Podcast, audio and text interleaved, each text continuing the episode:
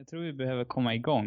Men liksom. Sam, Mm. innan vi börjar så måste du ju faktiskt säga, vad tyckte du om Hajen förra veckan? Åh, just det. Mm. Vilken jävla skitfilm. Ja, jag förstår att du tyckte det. Vi är ju en sån där jättebra strukturerad podd, så vi glömmer ju att berätta vad vi tycker om filmen i Dalarna. Ja, nej, jag tyckte den var bra. Den var, den, den gav vad den lovade. Mm.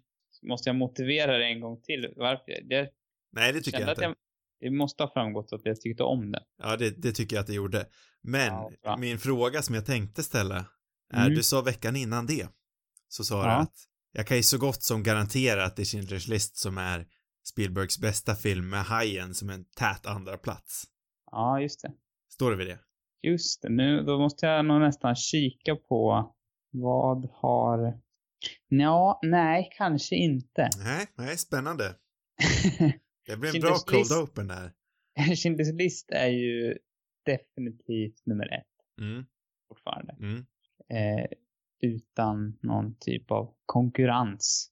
Eh, men jag glömde till exempel Saving Private Ryan när jag sa det där. Och undrar om inte jag tycker, ja, det är nästan så den är bättre. Kanske inte. Eh, sen Jakten på den försvunna skatten är ganska trevlig den också. Den är mycket trevlig. Så jag, jag är inte lika säker längre. Jag vet inte om jag kan ge dig ett, ett definitivt svar på det. Men den är definitivt topp fyra i alla fall. Eller hur? Bra att höra, bra att höra. Men du gillade i alla fall Hajen. Ja, och det jag kommer att tänka på nu var att jag var ju fånigt förälskad i, i den här, äh, inte allt för, ja, den, The Post. Ja, Den kan, det, jag kan inte sätta den som tvåa såklart, men jag, ja, den var ju magisk jag. jag har ju dokumenterat i, test, i text att jag älskade The Post också. Ja, så vi båda är väldigt svaga för den. Ja, det, det, jag skulle nästan säga att sätta det på topp fem Spielberg för mig. Ja, ja men det är härligt. Ja. Men då kan vi lämna Hajen och Spielberg från förra veckan. Jag tror det. Det var en ny film. Så går vi in på A Bigger Splash, men först ska jag göra mitt intro. Var det intro?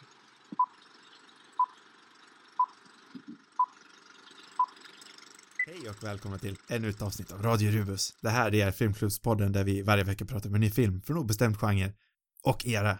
Och jag, jag heter Oskar och jag sitter här som vanligt med Sam, min poddkollega, som nu säger hej. Hej, hej, hej, hej, hej. Och den här veckan ska vi prata om Luca Guadaginos A Bigger Splash från 2015 i spoiler fantastisk detalj. Mm, jag är noga med det den här gången. Ja, den här gången kommer det bli mycket spoilers. Jag tycker att det är noga att sätta den spoiler-grej, stämpeln på den här filmen. Mm. För att jag, jag känner, jag känner att trailern jag såg eh, liksom förstörde halva upplevelsen. Okej. Nästan. Får Men jag... det kan vi gå in på mer senare. Men jag, jag det, tra, trailern, den var, ing, den var dålig. Då ska vi se till att komma ihåg det den här veckan så vi inte glömmer det. Förra veckan när vi satte en, en Jag kanske kan ha en stor lapp här framför mig. Det Ja. står trailern. Vet du vad, jag kan skriva upp här. Jag har Ja, en penna och papper jag. framför mig. Prata om, vad sa vi? Prata om trailern. Trailern förstörde halva upplevelsen. Understryk, understryk, understryk. Så. Yes. Mm. Men då går vi in i vårt vanliga segment. Där du beskriver vad den här filmen handlar om. Ja, okej. Den här filmen, den handlar om, ska jag komma ihåg alla karaktärers namn också, det är ju lite klurigt. Mm. Tilda Swinton, eller det, det, är ju det är ju fyra stycken viktiga karaktärer kan man säga i den här filmen. Och fyra härliga skådespelare. Tilda Swinton som spelar den här, ja men lite åldrad ändå, rockstjärnan, tänker jag. Marianne Lane. Och sen är det hennes självmordsbenägna, eller för detta självmordsbenägne eh, älskare och dokumentärfilmaren Paul de Schmet. Som han tydligen heter. Visste du om att han heter Schmet? Eh, nej. Som spelas av eh, Mattias. Det här namnet hatar jag att uttala. Mm. Mattias bara. Vi kallar honom så. Schönertz. Fast jag vill göra på franska. Schönertz. ja, ja, jag han är belgare så det kanske funkar. Ja. Eh, och sen Ralph Fiennes som spelar Harry Hawks. Den här också åldrade eh, rock, ja, producent, musikproducenten i alla fall. ja. Före detta älskaren till, eh, till The Swintons karaktär. Och sen till sist hans, hans dotter som han nyligen har, har mött för första gången. Ja, kanske dotter. Som spelas av Dakota Johnson. Och hon heter Penelope Danier. Um, där har vi karaktärerna. Jag ville bara liksom rabbla upp dem först. Men det handlar i alla fall om att om att Marianne Lane, den här rockstjärnan, har fått, eh, hon har gjort en, någon typ av operation för sin röst va? Och eh, håller till på någon liten italiensk ö med sin älskare när hennes ex från ingenstans ringer och berättar att han och hans nyligen funna dotter kommer på besök. och liksom totalkraschar väl deras eh, semester kan man säga. Och eh, ja, det, det känns väl som att det, man hör ju redan där att det finns mycket spänningar Ja. i det här gänget. Och det är väl det hela filmen bygger på. Ja, och det ligger ju verkligen någonting i att du poängterar att peka ut varenda skådespelare och deras karaktärer i början, för det är verkligen där i handlingen egentligen ligger med de här karaktärerna. Mm. Ja, det är en väldigt karaktärsdriven film ändå. Mm. Den här, det här liksom, ja men det begränsade antalet, de här fyra som, som clashar med varandra. Ja, för rent handlingsmässigt, om vi verkligen ska koka ner så händer ju inte så himla mycket. Nej, nej, det gör det. Det är ju liksom intrigen bland de här fyra som är det mest väsentliga. Eh, Vad, eh, eller ja, du hade något? ja, nej, jag tänkte bara gräva vidare lite här på Mattias Schoenaerts. Ja, Har du någon tidigare erfarenhet av honom? ja. Eh, känns som han är en sån där person som det känns som att jag har mer erfarenhet än vad jag egentligen har. Det är precis det. Oj, nu hände något med micken. Han är en sån här person som, som jag känner att jag har eh, ja, men mer er, erfarenhet av än vad jag egentligen har. Men jag har definitivt sett honom i alla fall. I åtminstone två till filmer ser jag på IMDB. Ja, det är precis det jag har skrivit i mina anteckningar. Jag känner att jag har sett honom i flera filmer och jag älskar honom, men jag vet inte riktigt varför. Har du sett honom någon gång? Ja, jag har också sett han i någonting. Var inte han med? Han har väl haft någon biroll i några grejer. Det, jag har sett honom i The Danish Girl. Mm, precis. Och i den här filmen Red Sparrow. Ja, nej, den har jag faktiskt inte sett. rulle. ja, men han, han måste varit med i något mer också. Det Ja, men, men jag känns känner det, men jag kan inte, nej, jag sitter och kollar på bekant. hans... Han är ju väldigt skicklig i alla fall jag. Ja, han är, han är fruktansvärt bra och som sagt känns det som att jag älskar han som skådespelare, även fast jag inte har sett eller någonting. Mm, Och jag vet liksom att han är en av de bästa från sin generation utan att ha sett eller någonting. Konstigt. Ja. Men eh, den här filmen bekräftar ju bara det, så det är inte direkt som att jag har kommit fram till en annan slutsats. Nej, samma sak. Samma grej. Ja, jag tycker han är helt underbar. Men eh, samma sak gäller ju även för Swinton, Fiennes och Johnson. Mm. De är, de är bra. För Johnson är ju en sån där skådespelare som, eh, förra veckan så kallade jag henne för flickan från 50 Shades of Grey. Ja, det var ditt här mest mansviniga. Det är tråkigt faktiskt att hon, hon kommer ju alltid bära den med sig, precis som att eh, Robert Pattinson och Kristen Stewart alltid kommer bära med sig Twilight-stämpeln. Mm, ja, jag, jag tycker ju synd om dem. Ja, för de är ju så mycket bättre än det materialet, alla tre.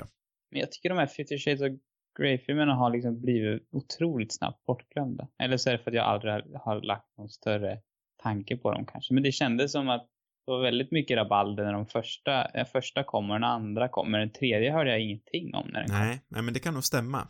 Då hade till och med fansen insett hur dåligt det var. Eller någonting. Jag vet inte. De kanske är jättebra, jag har inte sett dem. Men, men det känns lite bortglömt. Alltså jag, jag tänker inte... Eller det är klart man tänker på 50 Shades of Grey när man ser Dakota Johnson. Men, men eh, det borde man inte göra. Nej, Hon är duktig. för hon är otroligt duktig, men den här filmen kom väl ut precis samtidigt som den första. Jag tror inte den första hade kommit ut när den här gjorde det, eller i alla fall när hon spelade in den här. Så kan det säkert vara. Eh, men eh, jag tycker verkligen att hon är så himla mycket bättre än vad folk kanske tänker att hon är tack vare den stämpeln. Ja. Men eh, Ja. när man läser igenom IMDB-trivian som jag alltid brukar göra innan, eller oftast brukar göra innan, så stod det ju även att eh, den här rollen skulle vara spelad av Margot Robbie egentligen. Mm. Något som också hade varit spännande att se. Ja, definitivt.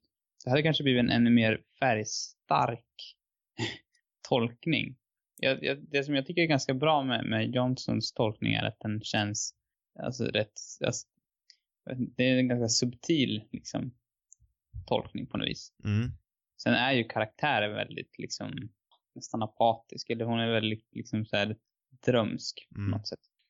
Eh, Margot Robbie kan ju säkert spela en sån karaktär också, men hon har känns som hon har spelat mer som lite mer knäppa karaktärer. Ja, nej men Robbie är ju väldigt intressant.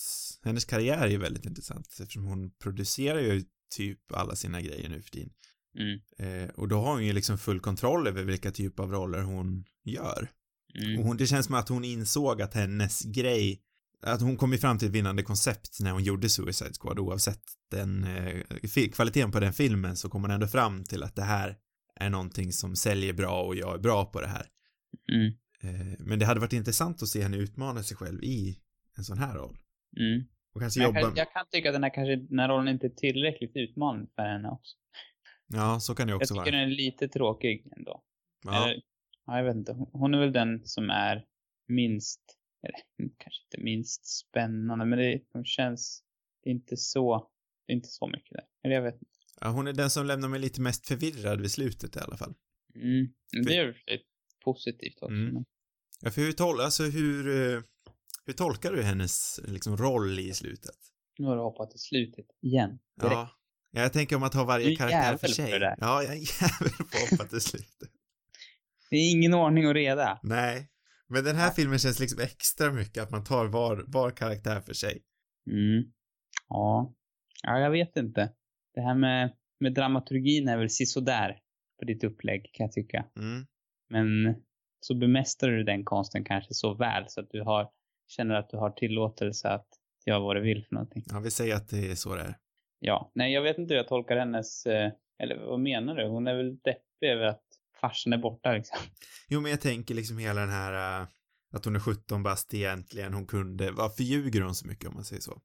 Hon känns som, som osäker och eh, hon, ja, hon vill väl vara någon, hon vill väl vara kanske äldre och häftigare och jag vet inte, att det är något liksom, någon typ av osäkerhet tänker jag mig. Vet Harry om att hon är, om att hon ljuger? Och är hon hans riktiga dotter? Två frågor som lämnade mig, som jag inte har kommit fram till ett svar på själv.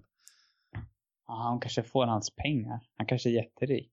Ah, Det, här känns som att det kommer från ingenstans dock, men, men när vi ändå är ute och konspirerar så ja. är det möjligt. Jag vet inte om han, om han vet det. Eh, Det, det är svårt att svara på. Fast jag, min känsla är ju inte att, att eh, jag tänker nog att hon är hans, hans dotter. Ja, för jag gör nog också det egentligen. Um, annars borde hon sitta och skratta liksom på plan av glädje. För han dog liksom så jävla snabbt. Så Ja. kan hon bara plocka hem det här enorma arvet som hon kanske ja, just det tror jag inte var planen. Det känns som att det var din, ditt egna påfund.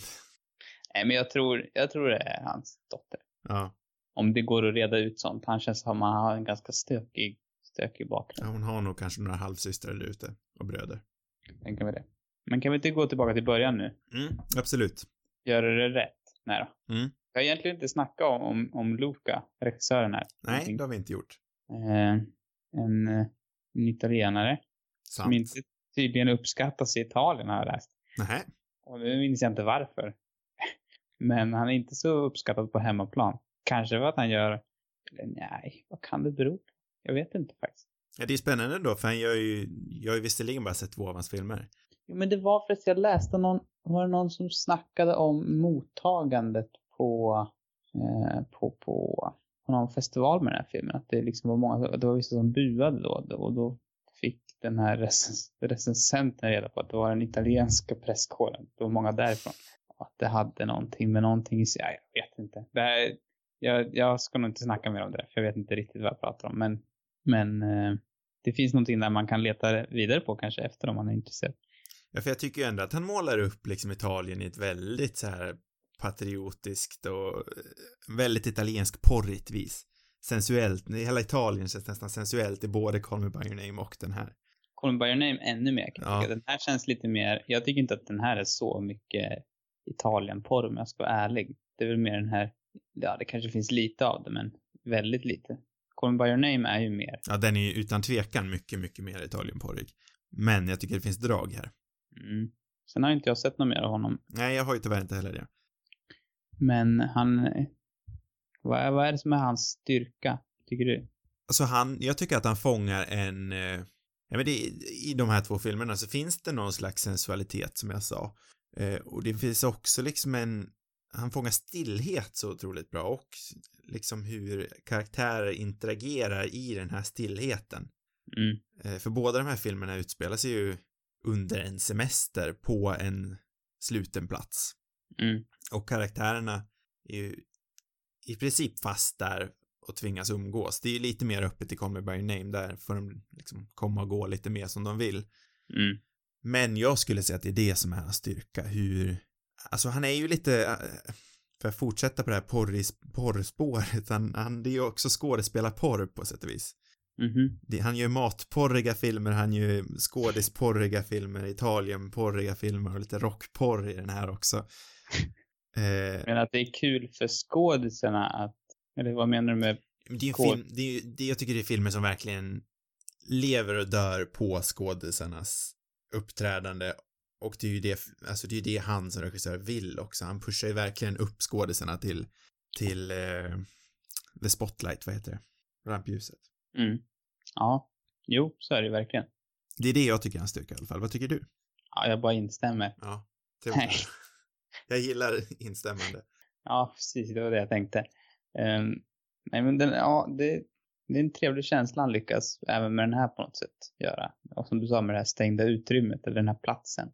Det, det känns, eh, det känns äkta på något sätt. Att, de, att man befinner sig där. Mm. Även om jag tycker att den här, alltså Call Me By Your Name är ju en film som jag, som jag värderar mycket högre på något sätt. För den lyckas betydligt bättre med det tycker jag. Mm, men det kanske jag att- också. Att den har mer sympatiska karaktärer också. Som man, som man liksom känner mer för. Men den, den är, man är ännu mer där i den tycker jag. På ett annat sätt. Eh, Men, men det är absolut samma typ av, eh, av styrka i den här filmen. Mm. Ja, den har ju inte, ja.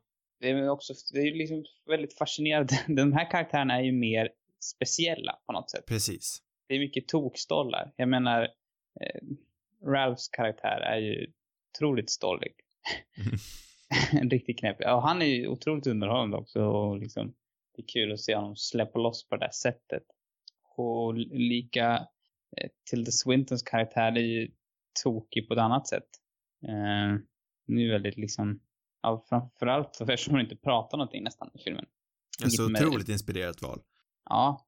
Har du läst trivian bakom den? Såklart att jag har det. Vill du förklara eller ska jag förklara? Ja, men du är ju trivia-kungen. Ja, nej men eh, det var, tanken från början var väl att eh, Tilda Swinton egentligen skulle spela en eh, skådespelare. Men så kom Mm. hon in, eh, hennes mamma hade nyligen dött tror jag. Eh, och hon var egentligen ganska skeptisk till att ta den här rollen. Eh, eftersom hon kände att hon ville göra någonting nytt.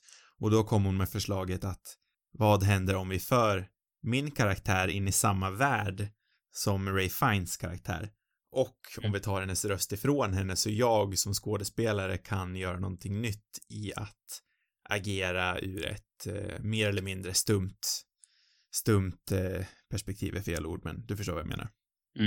Mm. Ja, men jag tycker det, det är ju otroligt smart Mm. egentligen. Alltså, det, det blir ju väldigt bra.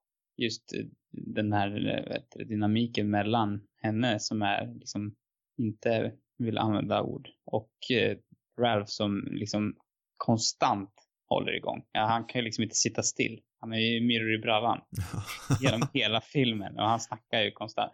Man känner ju verkligen igen den här liksom excentriska personen. Jag har ju träffat på en par stycken som ändå påminner om det här, liksom som konstant håller igång. Mm, ja, men jag vet inte, det blir, det blir spännande eftersom, eftersom, ja, eftersom det finns en sån tydlig konflikt mellan dem också. Jo, och sen är det så tydligt från liksom första, första början att eh, särskilt Johnny Arts vill ju inte att de ska vara där. Nej. Och jag har även en lite, lite av en känsla att eh, Swinton inte heller vill det. Nej, men ändå så, jag vet inte om det är att hon är för snäll eller vad det beror på, men det känns ändå som att hon, hon uppskattar ändå lite på något sätt. Det är nog så här, hon vet kanske inte riktigt vad hon känner för det. Nej, jag Och tänker på flygplatsen, var hon inte väldigt glad att se honom där? Ja, hon bjuder ändå in dem liksom. Kanske för att hon vet att han är så dryg annars, men. Men det, det, är, fler, ja, men det är fler gånger hon hänger med på grejer. Hon upp, snarare uppmuntrar, vet du Mattias karaktär liksom till att, till, men hänga med på grejer. Och, Mm. så hon är liksom lite svår, lite svårt att tolka egentligen vad hon känner för det här. Och det, det är också intressant. För, för eh, Paul då, som han heter, han, känns, han är ju väldigt liksom skeptisk. Och han, men han är också ganska tillbakadragen liksom. Han är inte någon som vill ställa till med bråk. Nej, och det blir så himla intressant sen senare i filmen. Jag, jag älskar de här liksom eh, smått utspridda tillbakablickarna genom filmen. Mm. Eh, att vi sen får reda på att, eh, att eh, Sean Arts och Fiennes har varit polare en gång i tiden. Mm. Och att de faktiskt, sen i dialog sen får vi väl höra att de var väldigt nära polare till och med. Mm. Mer, bättre polare än vad vi får se. Ja. Eh, vilket är väldigt spännande. Kanske att de hade kunnat spela upp det lite mer. För det kommer ju lite som en överraskning. Mm. Eller vad tycker du? Ja, ja alltså man hade definitivt kunnat gräva mer i det också. Eh, ja. För jag får inte riktigt intrycket, intrycket av att de liksom har varit bästisar. Nej. Men, eller tolkar du det som det sen, senare i filmen? Ja, men nämner de inte någonting om det? Eller har jag helt tittat på det? Ja, ja. Nej, alltså att de har relation tidigare. Mm. Alltså det, det, det är klart. Men bästisar vet jag inte om jag tolkar det som. Men snarare att han kanske haft nästan någon typ av mentorroll där Mm. på något sätt. Ja, men de var ju i alla fall otroligt, de var ju inte bara bekanta, de var ju kompisar. Ja, definitivt. De var ju närmare än bekant. Mm. Ja, Det men det känns jag. också som att alla här har något mörkt förflutet. Som Paul som har liksom ett självmordsförsök, eller hur? Mm. Bakom sig. Och eh, Ralph som har förmodligen ett helt- gäng smutsiga relationer bakom sig. Ja. Eh, det, det är en stökig historia. Det finns så otroligt mycket i den här, alltså det är mycket detaljer kring de här karaktärerna som, som man liksom kan, jag vet inte vart man ska ta vägen någonstans. Nej, jag känner lite det, för att, för som vi sa i början, det händer ju väldigt lite men för en, alltså om man bortser från det så händer det ju ändå väldigt mycket rent eh, i- relationsmässigt med de här karaktärerna.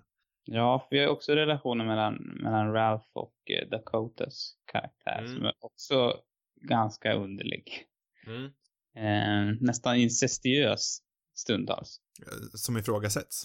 Ja, precis. Eh, och eh, ja, vad har vi att säga om dem för någonting? De, de har väl lärt, jag vet inte hur liksom det har gått till att han har fått reda på att de finns, men Nej, alltså jag vet inte, alltså jag gillar ju, alltså jag, gillar ju att konceptet tas upp, det är ju intressant. Det är ju det känns intress- inte färdigt riktigt. Nej, det är en intressant relation, men jag kan inte låta bli att tänka att Dakota Johnson kanske känns lite överflödig när den liksom centrala dramaturgin bland de här äh, tre vuxna människorna är så mycket mer välutvecklad. Jo, ja. Men hon Men- är ju där för att stöka till det extra också. Precis, men, jag kan också tänka mig att det kanske finns någon slags tematik som hennes karaktär bidrar som jag inte riktigt plockar upp på.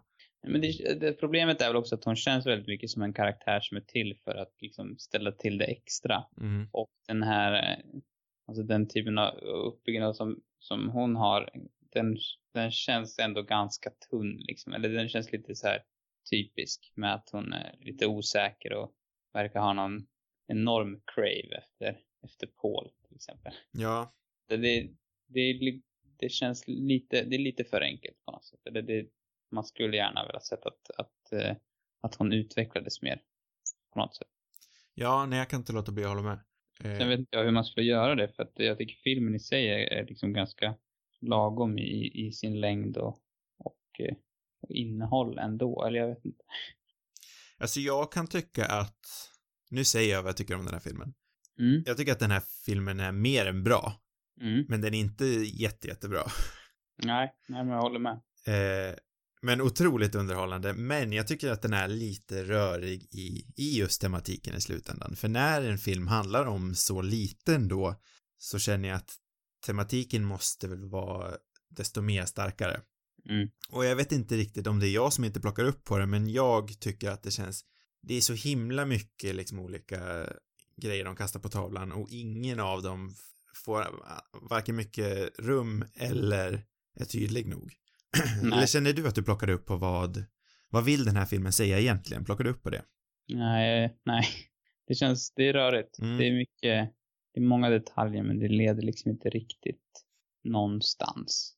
Och sen, liksom den här mord, det, det, nu kan vi kom, återkomma till det här med trailern som jag snackade om. Då stryker Den- jag det här nu. Precis. Men, trailern bygger upp det väldigt mycket som en, en dramatriller. Alltså den, den fokar, uppenbarligen så fokar trailern på, på mycket action och thriller och, och sex och det där som trailers brukar göra. Mm. Och det får man väl liksom försöka bortse från när man kollar på en trailer. Men för det första tycker jag det här mordet känns, jag, jag, jag tycker att det ger så mycket i den här filmen. Jag instämmer. Det kommer liksom ganska mycket från ingenstans ändå. Och eh, det enda, man, det enda grejen är bara att man vet liksom från trailern att eh, ja, det kommer vara ett mord här Jaha. i den här filmen. Ja, det kändes ju väldigt skevt. Eh, det är liksom väldigt uppenbart. Det, det känns också relativt uppenbart alltså det känns som att det finns, när man ser filmen finns det två personer som kanske kommer dö, men det känns ändå rätt så förutsägbart att det är Ralph som kommer liksom Mm. stupa. Um, ja, men jag vet inte, jag, jag, det, jag tror att det är möjligtvis hade kunnat vara lite mer så här effektivt, det åtminstone i så här chockfaktor, eh, ifall man inte hade känt till det. Men nu, då, det känns ändå så här onödigt på något sätt, det här, det här, liksom, det här dråpet som, som sker. Ja, då kan jag komma in med mitt annorlunda perspektiv, för jag visste ju inte om att någon skulle dö. Ja, just Mycket mindre att någon skulle bli mördad. Mm. Eh, sen vart det väl allt mer tydligt när den här scenen väl, alltså relationen blir mer och mer infekterad desto längre filmen går. Och i den här eh, scenen då de börjar bråka så börjar det bli, man börjar fundera på om kanske inte någon kommer dö där. Men i sig kan jag tycka att filmen kanske borde slutat med den här eh, som jag tycker är väldigt snygga, eh, liksom, eh, jag antar att det är en drönare som flyger upp Mm. eh, ur poolen. Jag tycker det hade varit en väldigt snygg bild att sluta på. För jag tycker att allting efter känns lite överflödigt. Mm. Jag tror att mordet hade funkat som ett slut om det hade slutat där. Ja. För det Ja. jag minns från trailern, nu var det ju visserligen många år sedan, jag tror väl att jag såg trailern, ja men 2014 eller något sånt där då, eh, innan filmen kom ut. Men jag minns inte alls något. Eh, jag har säkert sett en trailer efter det, jag ska inte säga att jag kommer ihåg en trailer från fyra år sedan. Eh, men jag kommer inte ihåg att det skulle vara något mord med den här filmen. Det jag minns var liksom att det här verkar vara en väldigt festlig, liksom, Ray Fiennes dansar. Det är väl det som fastnade mest. Ray Fiennes och, och Tilda Swinton som rockstjärnor som festar på en italiensk ö, det var ju det jag var högt på. Det, det, det också, för det första, båda trailern avslöjar som jag inte gillar, eh, men också att det vanliga är liksom att trailern lovar för mycket. Mm. Och jag vet inte, jag faller ofta, ganska ofta i den gropen även fast jag är liksom medveten om att, de, att det är just det de håller på med. Eh, och jag är lite besviken på, alltså det är ju mycket liksom av Ralph som dansar och det, men ändå är jag inte riktigt nöjd. Det känns inte riktigt som att det har liksom den funktionen jag hade hoppats på. Eller som att det liksom, det leder inte riktigt till, jag vet, ja, jag vet inte, det känns, jag känner mig ändå inte riktigt nöjd. Det, jag tycker inte att den, den uppfyller varken det här thriller-aspekten av det, för det är verkligen ingen thriller. Och, Nej. och den, jag tycker inte den uppfyller det här dekadenta tillräckligt mycket heller. Den är inte tillräckligt dekadent i, i, i min värld. Jag hade velat haft Mm. mer det. Det skulle varit mer smutsigt tycker jag. Ja, nej, jag känner mig nog ganska tillfredsställd på det, på den sidan faktiskt. Om jag ska Ja. vara ärlig. Men det var ingenting jag hade lagt en tanke på innan om jag ville ha mer eller mindre. Eh, jag vet bara att jag, liksom i ögonblicket när, när Fiennes börjar dansa där till Stones, eh, så kan man ju inte låta bli att bli helt överlycklig i, i min själ. Ja, jo, det är ju, om man gillar Ralph Fiennes och man gillar Stones så är det en perfekt kombo. Mm, Eh, och jag gillar, ju, jag gillar ju verkligen den här liksom musikproducent-karaktär mm. Med de här historierna och ja, han, gör ju väldigt bra. Men jag hade ändå velat haft mer galenskap tror jag. Jag hade faktiskt förväntat mig mer, dekadens var ett väldigt bra ord. Eh, Mm. Jag hade faktiskt förväntat mig mer av den här liksom rockdekadensen, eller kanske mer knark och, för jag hade ju inte en aning om att Swinton inte skulle tala. Nej, Jag trodde ju att det här egentligen skulle vara liksom en ganska tight eh, karaktärsrelation, eh, skildring mellan de två. mm, Och att de skulle snacka mer om sina, för i, förväg så hade jag uppfattat det som att eh, Fiennes också var en rockstjärna. mm, okej. Så jag trodde att hela grejen skulle vara liksom en, en tillbakablick på, det- på det forna dekadenta livet som du pratade om. Jag vill att det skulle vara liksom dekadent i nutid också. Mm, jo, jag förstår att det var det du menar, men Jag, Det jag, jag hade kanske delvis förväntat mig. ibland, men det, det är liksom inte, jag vill ha mer av, av, av det tror jag. Mm. Eventuellt, jag vet inte. Men jag tycker, ja, jag tycker ändå att det finns någonting fint, eller fint och fint, men att det är någonting bra i det här att, jag menar att de, för Swinton har ju gått vidare. Hon söker ju inte riktigt den här dekadensen och mer. Mm. Eh, men Fiennes är väl i högsta grad ute efter det fortfarande, tycker jag. Ja, eller jag, nej, nej, nej, Nej. tycker inte jag. Hur tolkar ja, du det? Jag tycker, nej, det verkar ju snarare som att han, att han ångrar liksom väldigt mycket att han, menar, att han slarvade bort det med, med, med Swinton. Mm. Och att, och att om han hade fått, gjort om det så hade han respekterat deras relation mer. Eller liksom, jag känner snarare att, eh, att det är någon typ av verklighetsflykt, hans, hans fortsatta dekadenta liv. Liksom. Att egentligen, eller jag vet inte hur dekadent det är, hans liv, men, men, eh, men allt, allt trams liksom. Jag, jag tror, eller det känns som att han, som att han skulle vilja leva där liksom med henne på den här ön eller någonting. Okej, ja, för jag ser det nästan som raka motsatsen, att han vill ta med henne, för han blir ju nästan arg på henne att hon har valt att, att landa till slut. Mhm. Och jag ser det lite som att han vill ta tillbaka henne ut i världen igen, att han är besviken på att hon har gjort det här, att hon nu är tråkig liksom. Så kanske också är. Men eh, Men jag tror, jag tror absolut att det är två värdiga tolkningar. det känns, alltså, ja han kanske vill ta tillbaka. Men ja, på något sätt känns det som att det, det är det enda han kan liksom erbjuda på något sätt för, för att, eh, mm, ja men, eh, Mattias, alltså hans karaktär är ju mer, han, det, han, han klarar ju det här liksom lugna och Mm. han, har, han kan ju erbjuda den, den här Mm. stadiga mannen som, som är liksom lite mer omhändertagande kanske. Men, Eh, Medan Fiennes, kan, han, han, han vet ju att det kan inte han liksom erbjuda. Men han nej gud, erbjuder det här skojiga, det här roliga liksom fest och stoj. Han Mm. får liksom komma med det. Men det kanske inte egentligen är det han, han vill. Utan det är bara att han, det är det enda han liksom kan. Så kan det vara, absolut.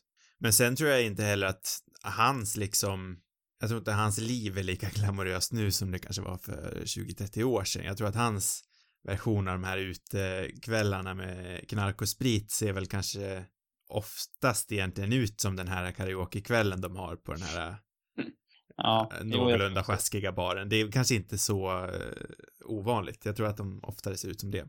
Han är inte lika mycket i svängen längre. Nej, men precis. Så jag tror att hans... Stones fester är nu för tiden. är det mycket? Partar de mycket? du, jag har inte en aning, men jag hoppas verkligen det. Min känsla är att de inte gör det. Min dröm är att de fortfarande gör det, men det kanske de inte gör. Ja, jag vet, jag tror att eh, åtminstone eh, Richards har liksom dragit ner rätt mycket på det där. Eftersom han har levt så hårt tidigare. Ja. Han dricker ju inte i alla fall tror jag. Nej, jag säger det hela tiden, det är ett under att alla de där lever fortfarande. han, han borde ju kanske låta bli att knarka också. Jag vet inte. Jag, Det kan man ju tycka att det vore ett smart livsval. ja, men jag, jag tror det. Jag läste också, det var lite deppigt faktiskt. Jag läste någon, det var någon DN-artikel eller någon så här stor, lång intervju med Keith Richards. Där han berättar liksom att, att han och Jagger umgicks aldrig längre förutom när de var på turné liksom. Nej. Det var deppigt tyckte jag på något sätt. Det finns väl någon gammal konflikt där mellan dem. Vad sa du, vem var de intervjuade? Keith Richards. Richards, ja. Men jag vet inte, det var något sorgligt på något sätt. Att, att de inte umgicks privat. Det lär de ha gjort mycket förut liksom. Men, Mm. men nu gjorde de aldrig det. Utan det var, det var bara när de var ute på turné. då. Man kanske blir trött på varandra om man är ute på turné hela tiden. De har väl ute på turné en hel del. Men det var ändå någonting så här deppigt i att han just sa det. Mm. Ja, det är någonting väldigt intressant i det. Och jag undrar också liksom hur deras turnéer är nu. Om man jämför med eh, för 30 år sedan. Ja. Eller när de liksom var som, när de fortfarande var unga och fräscha. ja du har väl varit på en Stones-konsert, va? Ja, jo. Ja. Men då får vi inte se så mycket av efter. Nej, nej, det förstår jag. Konserterna är väl ungefär lika, bara att de blir äldre och... Ja, du snackar efter, hur de var efter för 30 år sedan när de är efter nu. Ja, jag menar Ja. mer hur mycket, hur mycket festande Ja, det är. ja, förlåt. Ja. Jag tänker nu att det kanske är mer en middag eller någonting. kanske inte att de liksom, vet jag. Det är inte det här dekadenta livet de hade på 70-talet. Men Nej. då tror jag inte att de skulle stå på benen. Nej, nu är det kanske en plocksallad och... Plocksallad Ica. Ja, en Och en plocksallad. Ramlösa. Ja, jag tänkte säga en ingefärashot, men så, så hippa kanske de inte är. Ah, det är lite där som, som Ralph Fiennes karaktär också hamnat. Ja, Plocksallad Ica. det är känslan i alla fall. ja. Han vill, men han vill på något sätt fortfarande uppehålla den här Stones skärmen. Ja, nej, jag, jag förstår helt vad du menar. Han dansar ju bra i alla fall. Han dansar otroligt bra. Man vill ju se mer så här. Den här filmen kom väl ut runt samma tid som Budapest också. Grand Budapest Mm. Hotel. Mm. Eh, och jag satt och kollade på någon intervju här alldeles innan vi började de pratade lite om det att eh, under den här rela kort, relativt korta tidsspannen så gjorde han två, två rolltolkningar som är eh, väldigt motsatsa till det han brukar göra. Mm. Men man vill ju se mer sån här festlig Fiennes. Ja, och mer såna här, men de är väldigt skilda tycker jag från av det han har gjort tidigare. Mm. Det är väl det som är, han gjorde ju också, eh, han var också med i den här Coen-filmen, Ja, just det, ja. Hail Caesar, typ runt samma tid. Mm. Så det, det, och det känns också som att han har gjort mer, alltså innan det kändes som att han gjorde mer, det var mer allvar. Men efter har han gjort en hel del mer tramsiga eller annorlunda roller. Jag vet inte om, om det är tillåtet för dig att säga i den här i, i podden, men du har ju snackat om någon idé för att du skulle vilja se en film eh, med Ray Fiennes som en äventyrare. Mm. Ja, just det. Får jag nämna det eller är du rädd för att någon kommer sno det? Ja, nu kanske Loka är där och plockar. Nej. det är ju en idé, det är en idé som alltid har fastnat för mig. Jag tycker det låter som en otroligt spännande idé. Ja, jag tror också det. Jag tror om det görs på rätt sätt så kan det bli magnifikt bra. Mm. Kanske en, ett samarbete mellan Luca och Wes Anderson. Vad tror du om det? Det, det blir en Eh, konstig kombo, eller hur? Ja, det låter som en väldigt konstig kombo, men jag kan inte låta bli att vilja se den. För det känns, det känns för enkelt att säga bara någon av dem. Ja. Eller Luca känns väldigt oväntad. Det är kanske är det som är den spännande. Men jag blev väldigt eh, chockad över hur, eh, för Luca var med i den här eh, intervjun jag såg med Fiennes. Ja. Eh, hur liksom peppig han är i verkligheten. Mm.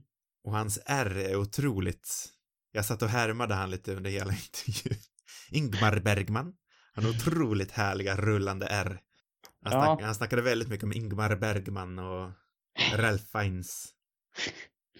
Vad bra är. Men Mm. inte som en skåning då. Nej, nej, väldigt, inte R, utan R. Just det. Jag är ju en expert på rullande R eftersom det tog så lång tid för mig att lära mig att säga R. Mm, var det ja. så? Ja, jag tror jag, ja, lång och lång tid. I sex, jag var sex år tror jag när jag slutade säga ej och så R. Aha. Min mamma hade ju en sån här riktigt bra ramsa. Rutiga, randiga morötter. Den kör du varje morgon Den kör jag varje morgon. Jag vaknar, öppnar ögonen, rutiga, randiga morötter, rutiga, randiga. Det går inte så bra som du ser. Nej, jag fattar. Jag känner att det här kaffet, det börjar kicka in lite. Mm, det blir mer fart. Ja. Jag brukar inte dricka kaffe, men nu jävlar. Nu jävlar går undan. Det som är, det som är kul med den här, eller det, kän, ja, det känns som att jag har sett väldigt mycket, vi har sett mycket filmer, både till podden och som jag också har sett själv, som har liksom haft det här med vattentema eller Mm. pooltema. Mm. Jag såg inte allt för länge sedan en annan film som heter eh, Swimming Pool. Okej. Jag vet inte om du känner till den? Nej. En François Ozon-film med eh, Charlotte Rampling bland annat. Och det, det är också liksom drama, mysterie, thriller. Så det är en ganska liksom liknande idé. Och det är vid en, vid en pool på ett liksom begränsat område. I, det är på franska landsbygden istället. Mm. Men om man vill se en, en, en mycket bättre film som cirkulerar kring en pool så tycker jag man ska se på den. För den är, den är riktigt bra tycker jag. Ja. Men Det vi, det är väl lite tips bara. ja. Bra. Det, den kanske vi kan prata om någon gång. Vi som ändå pratar mycket om poolfilmer så Ja, kanske vi och kan fortsätta. Ja, jag var nästan så här lite, för eftersom den här, vad heter det, The Bigger Splash också bygger på, eller namnet kommer ju från någon, en tavla av, av eh, vad heter han för någonting nu då? En konstnär. Eh, jag har glömt bort hans namn. Google. Det är din vän. Hjälp mig Google. David Hockney heter han. Ja. Så namn kommer därifrån. Inspirationen kommer ju från en fransk film också. Som, och den heter Swimming Pool, eller den heter La Piscine, eller vad man nu säger för någonting. ja för i, I den här intervjun jag lyssnade på alldeles innan här så Mm. eh, blev man lite frustrerad på folk som sa att det här var en remake på den. Ja, nej men precis. Var därför jag var noga med att säga att- att den är inspirerad, jag, Mm. snarare än att den är en remake. För jag tror också att Mhm. han var väldigt inspirerad av den här tavlan. Mm, mm. Ja, men det var intressant för jag, då, då började jag liksom fundera, swimming pool eh, också kopplad till någon av de här? Men jag, jag, tror inte att den är det, vad jag vet. Nej, jag har inte en aning. Till skillnad, Bigger Splash har ju, den är ju liksom, den är åtminstone creditad, eh, ja, den här franska filmen. Mm. Någonting har han ju tagit därifrån i alla fall. Jag tycker vi borde prata lite mer om slutet ändå. Mm. Det känns inte riktigt som att vi, vi har simmat runt det lite. Runt det här liket som är slutet. I mitten av, i mitten av poolen har vi simmat runt, men vi har inte riktigt greppat tag i det. Nej. Eh, vad tyckte du? Jag, jag tolkar som att du inte heller är ett jättestort fan. Nej, den var okej. Mm. Eller menar du slutet? Ja, alltså Säg bara. döden, allting efter. Ja, nej. Jag vet inte hur man ska tolka allt efter riktigt. Eller var vi har, var vi har kommit någonstans. Nej, för jag tycker det är det som liksom kanske krånglar till det lite mer rent tematiskt också. Det är det som muddrar till det hela lite. Mm. Jag, jag, jag vet liksom inte vad jag ska säga om det riktigt. Det kanske är det som gör att jag inte gillar det. Ehm, Jag tycker det är en väldigt, alltså det är ju en fin scen visuellt tycker jag. mm. Eller vad menar du för någonting? Själva? Dödsscenen. Ja. Ja, det är fint. Du menar när de brottas? Ja. Mm, det är trevligt. Jag tänk, jag, ja, Ja. det är fint. Det är fint. Stryper honom. ja. Det går ju väldigt snabbt. Ja, ganska snabbt. Jag vet, jag vet egentligen inte heller riktigt vad jag vill säga om det. Och det är väl kanske problemet. Ja, ja, jag vet. Ja, den liksom, det känns att den presenterar så mycket. Men in, det finns inte så mycket. Jag vet inte vad jag ska ta med mig riktigt. Nej. Nej men våran tystnad säger ganska mycket i sig. Jag tycker vi kan landa där. Jag vet inte vad Tilda jag, henne får jag aldrig något riktigt grepp om. Jag tycker hon är konstig. Det är en konstig person. Okej. Utveckla. Jag vet inte, men jag, jag, men det är svårt att veta vem som är den liksom centrala karaktären här också. Men det finns kanske inte, det måste man inte ha, men, men eh, hon är väl nöjd där kanske. Att han dör. Men ändå in, inte nöjd. Hon blir av med honom. Ja. Nej, jag jag vet. Nej, jag vet, alltså jag... Nu har vi gått ner oss i träsket känner jag. Ja, nu är jag inne i spekulationsträsket, så nu sitter jag bara och tänker massa här. Nej, men jag, jag, jag, jag, jag tänker väl ändå att det är uppenbart, det säger hon ju högt och tydligt liksom, att hon vill ju vara med Mattias. Mm. Men jag tror också att det fortfarande finns, han är ju, jag tror ändå att det finns en kärlek kvar där. Mm. Men jag vet inte, nu, nu har jag Jo, helt, Det känns det som att det gör. Alltså det får man intrycket av. mm, Hon är ju lite, hon är ändå lite sugen på, på Ralph. ja, Hon tar ju inte fullt avstånd till honom liksom. nej, men sen känns den ju väldigt våldtäktig den här scenen också. Ja, det är. Men det är alltså, hon gillar nog fortfarande honom, inte på det sättet liksom. Mm, Men han kan inte riktigt respektera det. nej, nej men precis. Inte riktigt nöjd med det. Ehm, Nej, och det formulerar hon ju sen och då, det är ju då han liksom inser att, nej men då kan vi inte umgås mer, så vill han sticka. Men han hinner inte sticka. precis. Nej. Ja, men han, det, han ber ju nästan att bli mördad. Ja, Eller, så långt, det tror jag inte riktigt, men. nej men han, han, han ber ändå om det. Mm. På stryk åtminstone. Han, han, han vill ju, han söker ju konflikter, kan man väl säga. Mm. Ehm, nej, det är ju lite, det är ju deppigt ändå. Ja, Men han är ju en dryg jävel. men ändå härlig på sitt egna vis. Ja, men det känns i alla fall som att hon vill ha, hon vill ha kvar honom i sitt liv. Hon har liksom inget, hon vill nog ändå så här umgås med honom i lagom mängd kan jag tänka mig. Mm. Men inte på det sättet liksom. De har mer som ett vänskapsband kanske man säger. Ja, i alla fall från hennes håll. Men han, det funkar inte för honom. Nej, precis. Det tror jag du har rätt i. Har vi förfångat det nu. Precis. Jag känner att jag hamnade i sånt fullkomligt liksom spekulationsträsk nu. Jag, jag har inte, jag kan inte riktigt formulera några tankar än för att de är så färska. Känner du att vi du har någonting så här, har vi glömt någonting den här veckan tror du? Och har du någonting annat du vill säga? Mm. Jag vet inte. Jag har inte vad jag kan komma på. Nej, jag- för jag känner mig ganska klar också. Nästa vecka, då är min tur att välja film. Mm. Och jag är ju faktiskt lite obestämd den här veckan. Jo.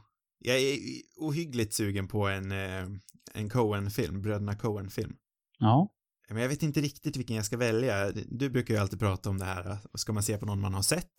Eller ska man se på någon man inte har sett? Den där är svår. Ja. Jag har ju länge, länge velat sett Barton Fink. Ja. Men den skulle- har du inte sett. Nej, den har jag inte sett.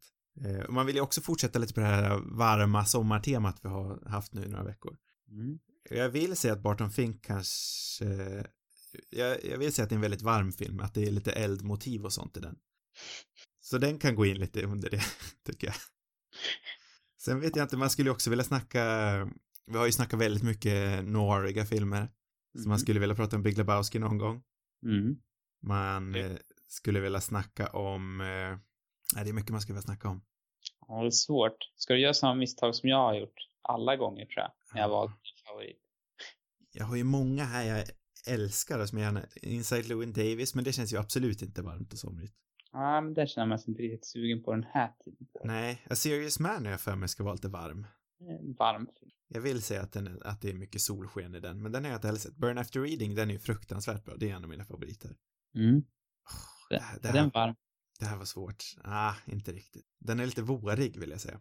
Oh Brother, den är ju varm. Den. Den är har du sett den? Nej. Det är ju alltid lite spännande att se på en film som, som en har sett och den andra inte har sett. Mm. Oj, oj, oj. Oj, oj, oj. Klurigt. Ja, Det är jobbigt det där när man väljer liksom några så här, favoritregissörer, eller som är riktigt, som man verkligen gillar. Det finns ju så mycket att välja på. Svårt att vilken, veta vilken film man ska ta. okej, nu gör jag säkert ett misstag. Men jag tror jag har bestämt mig att vi kollar på Barton Fink nästa vecka. Oj! Vilket misstag, Oskar. Ja, Den ska ju inte ens vara bra. nej. Nej, men vi, vi kollar på Barton Fink till nästa vecka. Det är bestämt nu. Det är säkert bra. Det hoppas jag. Det är de tidigare. Ja, det är det. Vilken gjorde de först? Eller ja, det var kanske en annan sätt. Tänker jag mig. Var det inte Far Fargo först? Sen var det väl Big Lebowski, sen var det Barton Fink, eller? Det var helt fel. Är det? Jag är ledsen att säga. Vilken ordning är det? Alltså, Det är ju någon innan Fargo, du det vet jag, glömde ju men Millers Crossing. kommer den stå tidigt? Ja. Men de har tydligen gjort två andra filmer innan Millers Jo. Crossing. Jaha, jäklar, ja, då hade jag riktigt dålig koll. Racing Arizona. Den skulle jag vilja se. Det är ju Nej, jag är li- ja just Arizona också. Cage. Och så Blood Men och, va? Kommer Fink och Millers Crossing före Fargo? Mm. Åh herregud. Jag trodde alltid, jag trodde att Millers Crossing var deras första film. Nej, jag, jag visste att Blood Simple var den första, sen trodde jag att det var Fargo. Du var lurad. Har Ja. du sett Blood Simple? Nej, det har jag faktiskt inte sett. Jag har sett Arizona, jag är lite eh, på Arizona faktiskt. Jag kan nästan tänka mig det. Men den ser härligt så här knäpp ut. Ja, den är ju riktigt knäpp och jag älskar ju både Holly Hunter och Cage i den. Tänka mig det. Men jag är ändå lite kall på den. Men jag, jag, jag har velat sett Barton Fink länge, så vi på den nu. Mm. Eh, fler avsnitt, det hittar ni som vanligt på cinemerubus.com. Har ni frågor och vill ha svar, de skickar ni ju såklart in till cinemerubus.gmail.com. Sen så har vi sociala medier. Där finns vi på Instagram och Twitter. Under namnet Cinemarubus. God natt, allihopa. Good night.